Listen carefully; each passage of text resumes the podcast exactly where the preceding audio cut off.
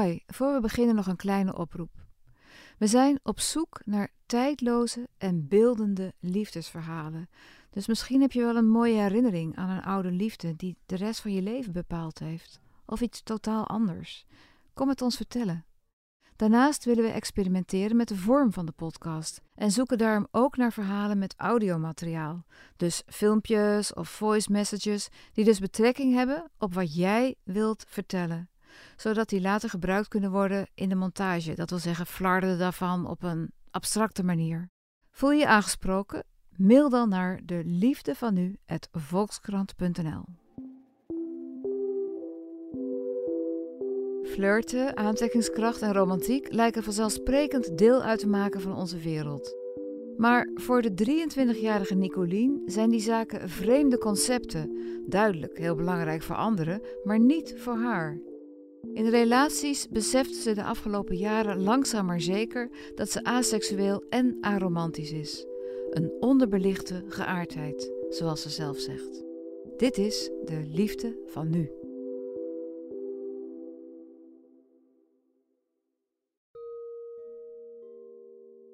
Toen ik 21 was, had ik een relatie met mijn beste vriend.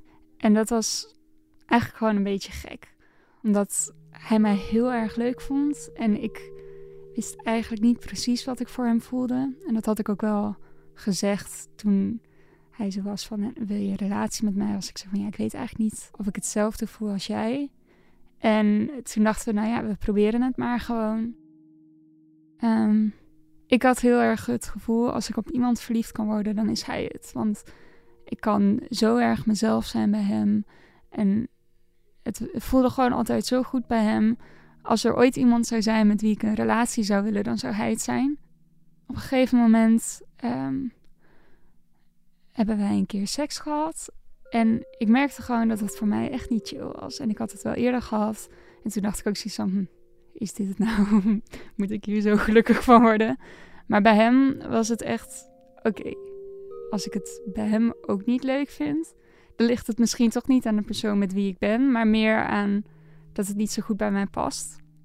Maar kun je dan uitleggen wat er precies was wat jij niet leuk vond? Wat vond je in het bijzonder niet leuk? Ik denk eigenlijk dat ik alles eraan niet leuk vond. En wat was dat dan, dat alles? Het dicht bij elkaar zijn, elkaar aanraken, dat, dat paste voor mij niet om de een of andere reden. En ik had wel het idee van, nou ja, als er iemand is met wie ik dat wil, dan is hij het. en daarna eigenlijk niet meer. Waarom, waarom was hij het? Want hij was een goede vriend. Het is niet per se iemand met wie je seks gaat uitproberen. Ik denk niet dat het echt seks uitproberen was. Ik denk meer dat er in mij een soort overtuiging was: oké, ik heb blijkbaar nooit echt aantrekkingskracht voor iemand gevoeld als er dan rationeel gezien iemand zou moeten zijn op wie dat zou, wel zo zou moeten zijn, dan, dan zou het hij het zijn. Want hij, hij was mijn beste vriend. Ik ging naar hem toe met mijn problemen, maar ook als ik blij was. Ik kon daar gewoon altijd terecht. Ook tijdens corona waren we echt super veel samen. En ik denk dat voor mij gewoon de conclusie was: als er iemand is, dan is hij het. Maakte je je op dat moment al zorgen over het feit dat je je nooit tot iemand aangetrokken voelde? Ik denk eigenlijk niet dat ik door heb gehad dat ik me nooit tot iemand aangetrokken voelde. Ik denk wel, ik had wel door van, hm, dit vind ik toch niet zo heel erg chill. Maar ik denk niet dat ik op dat moment al de conclusie had getrokken van, maar misschien voel ik me dan wel gewoon niet aangetrokken tot deze personen. Want jij zei dat je daarvoor ook andere vriendjes had gehad. Ja. Hoe ging het daarmee? Ja, eigenlijk ook niet echt chill. ik denk dat ik gewoon best wel vaak ook over mijn eigen grenzen heen ben gegaan. Omdat ik zoiets had van ja, dat zal er wel bij horen. Dus ik denk dat ik, als ik terugkijk, eigenlijk sinds de eerste keer seks, dat ik elke keer over die grens ben gegaan. Wanneer was die eerste keer? Ik denk toen ik 19 was, met het vriendje voor mijn laatste relatie. En herinner je nog hoe je toen dat onderging? Of meemaakte, beleefde? Ik denk dat het me eigenlijk niet zo heel veel deed. En dat het gewoon zoiets was van, nou ja, dit zal, wel, dit zal er wel bij horen. Maar in welk opzicht ging je over een grens heen als je iets deed wat je eigenlijk kon je het niet zo heel veel schelen? Je, je zegt dat ja, ik deed het gewoon, maar het deed me niks. Maar ik vond het ook niet echt heel erg vervelend. Ik nam het op de koop toe. Wat is dan die grens waar je over ging? Ehm, ik denk dat ik het eigenlijk echt niet wilde. En dat ik er gewoon vanuit ging, dit hoort erbij. En ik vond hem gewoon een hele aardige jongen. Het was gewoon heel gezellig. Dus ik ging er maar gewoon vanuit dat dat hoort. Weet je nog hoe je je voelde als, als, je de seks, als je die seks gehad had? Bijvoorbeeld met die beste vriend. Toen je dacht van nou, bij hem moet het gewoon leuk zijn, want hij is zo leuk. Dit moet wel leuk zijn. Hoe voelde je je dan daarna? Herinner je dat nog? Ik vond het echt verschrikkelijk. Dat was voor mij echt. Die volgende dag voelde ik me echt zo verkeerd. Want ik had heel erg het gevoel alsof ik mezelf had verraden. En heel erg het gevoel alsof ik hem had verraden. Want eigenlijk vond ik het gewoon echt niet leuk. En de eerste keer dat we seks hadden, dat was ook meteen de laatste keer. Want voor mij was het echt meteen zoiets van: oké, nou moet ik toch even, even stil gaan staan en nadenken: wil ik dit wel? Want het was gewoon alles wat ik niet wilde. En dat gecombineerd. En ik denk dat dat voor mij eigenlijk het moment was van: oh. Maar eigenlijk heb ik me altijd al een beetje zo gevoeld. Ik ben toen begonnen met googelen van, nou wat is er dan mis? Want ik had echt zoiets van, nou dan zal ik wel ziek zijn of zo, want dit lijkt toch niet heel gezond. En toen kwam ik er dus achter dat asexualiteit bestaat. En ehm, toen had ik wel zoiets van, oh, dit verklaart wel waarom ik mij zo voel. En het verklaarde eigenlijk ook wel wat dingen uit hoe ik was, zeg maar. Hoe ik in vorige relaties was, ook toen ik jonger was. En het verklaarde gewoon eigenlijk ook wel waarom al die relaties niet werkten. En die met mijn beste vriend zeker niet. Omdat, ja. Maar tot nu toe hoor ik eigenlijk de twee relaties die belangrijk waren. Toen je 19 was en die met je beste vriend. En in beide gevallen vond je seks niet fijn. Maar het is nogal wat om dan meteen te concluderen dat je aseksueel bent. Het kan toch ook zijn dat je gewoon niet iemand nog ontmoet hebt die, uh, waar je je wel tot aangetrokken voelt? Um, ja, asexualiteit is best wel lastig te definiëren. Want het gaat eigenlijk over een gebrek aan aantrekkingskracht. Dus je kan altijd zeggen van ja, hoe weet je nou of dat nog niet ontwikkeld is? Uh, dat weet je nooit 100% zeker. Dat is net zoals iemand die al zijn hele leven denkt dat hij heteroseksueel is, kan ook ooit verliefd worden op een vrouw en toch lesbisch blijken te zijn. Maar ik weet wel heel erg zeker dat ik het anders ervaar dan mensen. En dat ik het in ieder geval nog nooit gevoeld heb. En ik denk ook dat voor mij gewoon heel veel uitlegt. En ook wel uh, mij de mogelijkheid geeft om open te staan voor het feit dat het misschien wel niet hoeft. Het was voor mij echt een enorme opluchting. Want ik was gewoon echt bang dat er wat mis met me was. En dat het allemaal aan mij lag. Wat begon je te lezen? Um, ik kwam op een Engelstalige website, want in het Nederlands vind je echt niks. Daar werd gesproken over een boek, Loveless. En dat gaat over een meisje die aromantisch en asexueel is. En daar werd gesproken over wat asexualiteit was.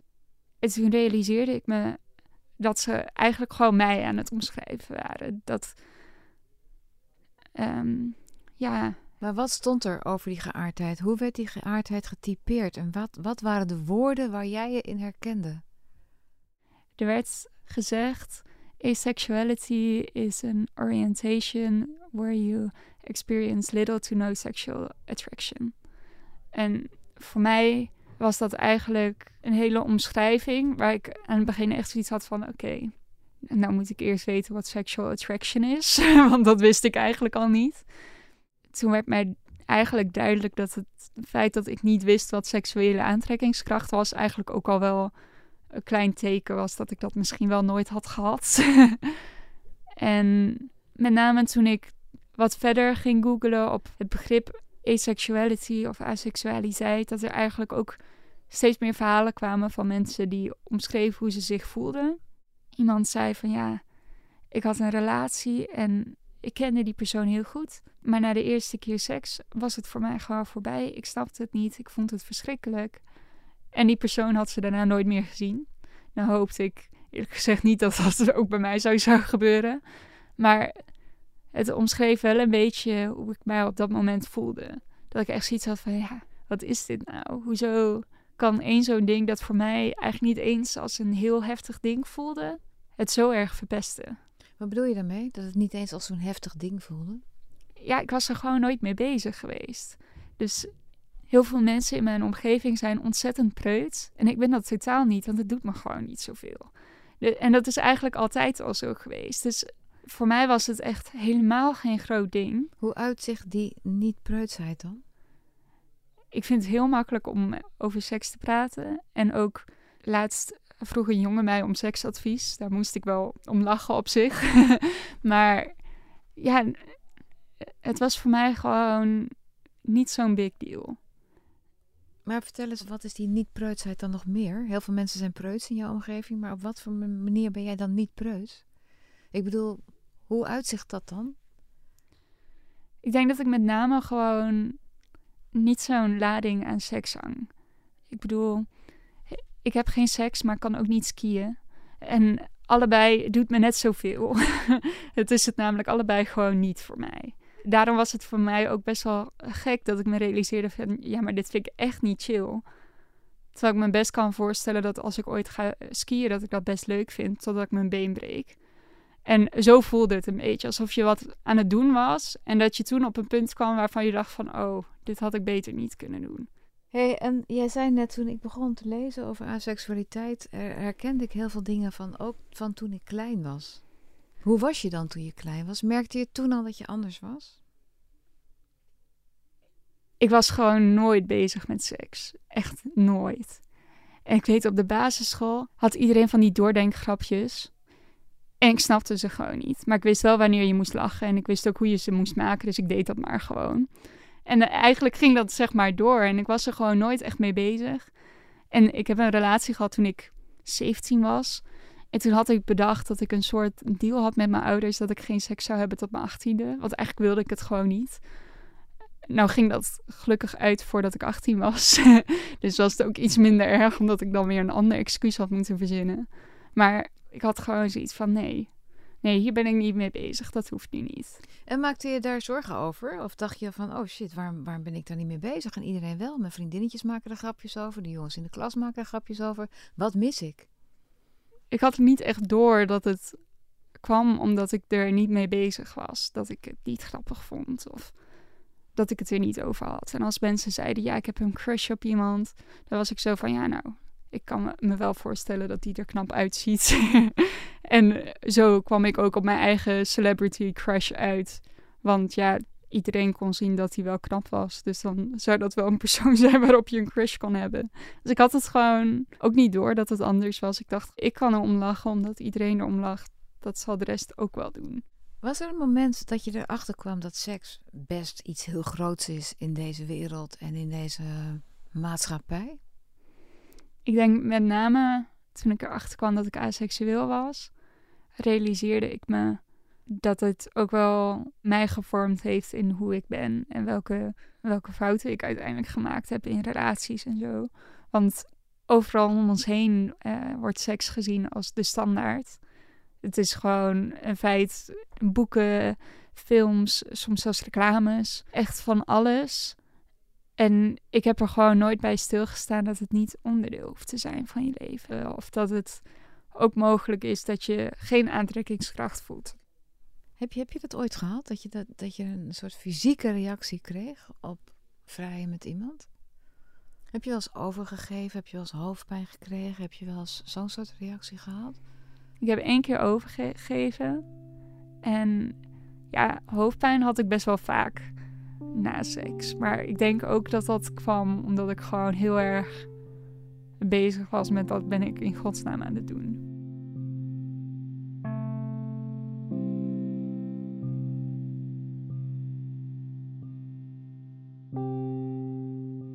Ik vond het erachter komen dat ik aseksueel was. Aan de ene kant echt verschrikkelijk, omdat het echt voelde alsof je je toekomstbeeld een beetje in elkaar stortte. Wat was het toekomstbeeld wat je voor ogen had? ik denk dat ik altijd een beetje het standaard toekomstbeeld heb gehad. Een partner, een huis, een hond.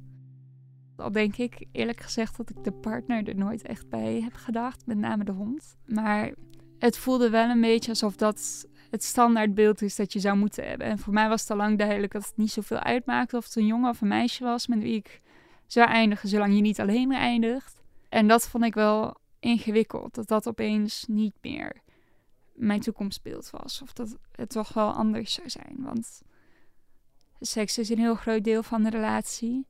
En ik ben er later ook achter gekomen dat ik aromantisch ben. Dus dat ik eigenlijk... Wat is dat dan, aromantisch? Aromantisch is dat je geen of weinig uh, romantische aantrekkingskracht naar mensen voelt. Dus dat je niet of bijna nooit verliefd wordt op mensen. Dat heeft wel even geduurd voordat ik me dat realiseerde. Want ik kan hele sterke gevoelens hebben voor mensen. Maar dat is eigenlijk wel altijd heel erg vriendschappelijk. En dat maakt het voor mij wel ingewikkeld. Want ik had er wel een soort van vrede mee met geen seks hebben. Want ik denk dat er best wel oplossingen daarvoor zijn. Als je een partner vindt die dat niet erg vindt of wat dan ook. Maar toen ik me realiseerde dat ik eigenlijk ook niet verliefd word op mensen, dacht ik wel van oh, maar dat houdt wel in geen relaties. Maar wat betekent dat dan om je zo te identificeren? Wat, wat, wat geeft je dat dan? Het gaf mij heel veel houvast. Ik denk dat ik heel erg op zoek was naar woorden om mezelf te omschrijven. Want dat vond ik wel belangrijk, dat ik dat ook kan delen met mijn vrienden, met mijn familie. En ja. Maar je hebt gewoon naar je, bent naar je moeder gegaan en je zegt: Mam, ik ben aseksueel. Ik ben eerst naar mijn zus gegaan, toen naar vrienden en vervolgens pas na een hele lange tijd naar mijn moeder. Vertel eens, hoe ging dat gesprek met je moeder? Ja, we zaten in de auto. Ik ben niet zo goed in ingewikkelde gesprekken voeren, dus ik dacht, ik doe het gewoon op weg van mijn ouders huis naar mijn huis. Dat was ongeveer 10 minuten. Dus ik dacht, dit is het juiste moment om dit gesprek te voeren, want dan kan ik altijd weggaan als het niks is. En mijn moeder is gewoon super lief. Uh, maar tegelijkertijd begreep ze me ook gewoon niet. Wat zei je exact tegen haar? Ik geloof dat ik zei: Mam, ik moet je wat vertellen. Volgens mij ben ik aseksueel. En toen keek ze mij aan met zo'n blik van: Ja, ik weet niet wat je nu zegt, want ik weet niet wat aseksueel is. Dus toen ben ik gaan uitleggen uh, wat de betekenis daarvan is. En. Maar hoe reageerden ze? Reageerden ze bezorgd of reageerden ze schouderophalend of reageerden ze. Wat zei ze? Ja, dat het haar echt niet uitmaakt of ik met een jongen thuis kom of een meisje of met iemand. Maar ook dat ze niet goed begreep hoe ik me voelde. En dat ze ook niet goed wist hoe, hoe ik dat zeker kan weten. Want ja, ik kan me best voorstellen dat andere mensen niet snappen dat ik dat zeker kan weten. Hey, en je zegt, je, ik identificeer mij nu als asexueel. Betekent dat dat als je gewoon nieuwe collega's hebt of in een studentenvereniging of wat dan ook, dat je dan zegt van jongens, ja, ik ben asexueel en het betekent dat en dat en dat? Ik denk dat heel veel mensen om mij heen weten dat ik asexueel ben, ook omdat ik er heel open over ben.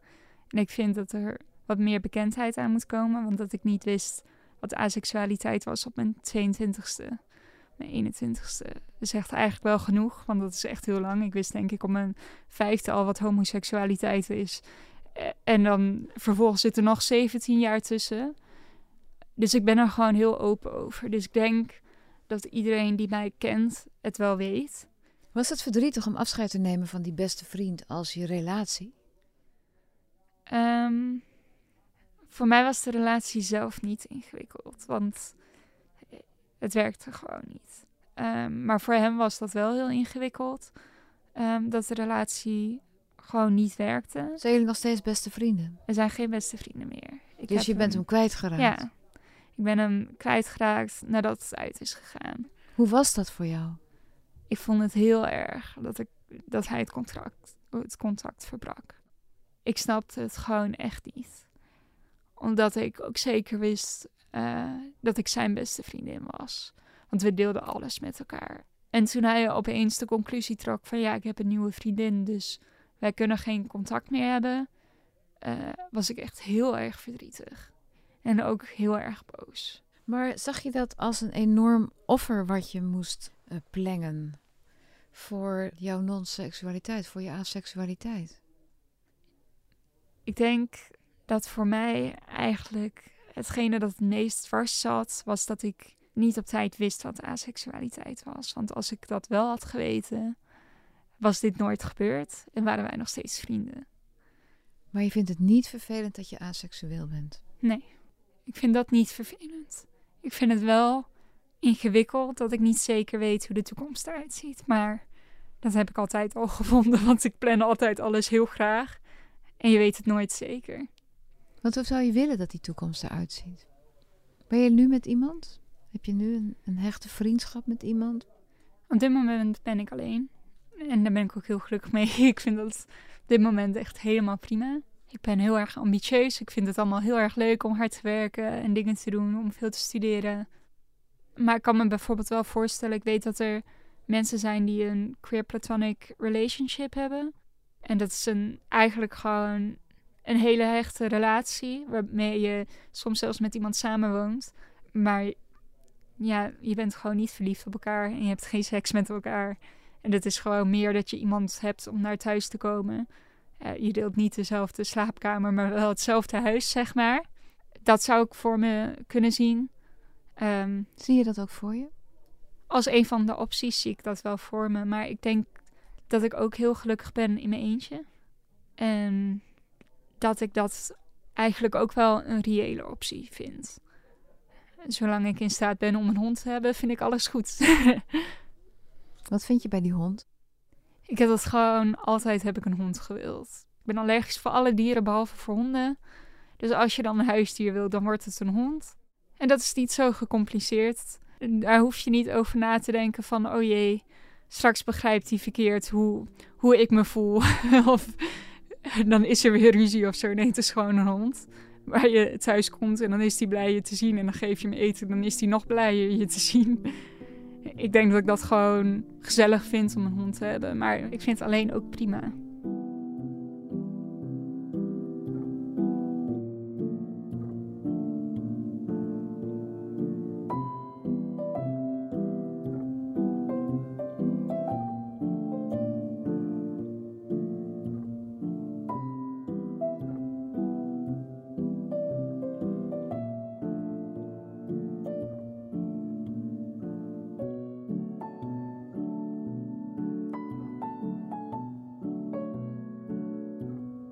Dit was De Liefde van Nu. Wil je reageren? Mail dan naar deliefdevanu@volkskrant.nl.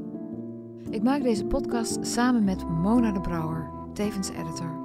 Research wordt gedaan door Sien Bonen en Mona de Brouwer. Eindredactie is van Corinne van Duin en Emilie van Kinschot. En de begin- en eindtune is van Juliaan de Groot. Dankjewel voor het luisteren.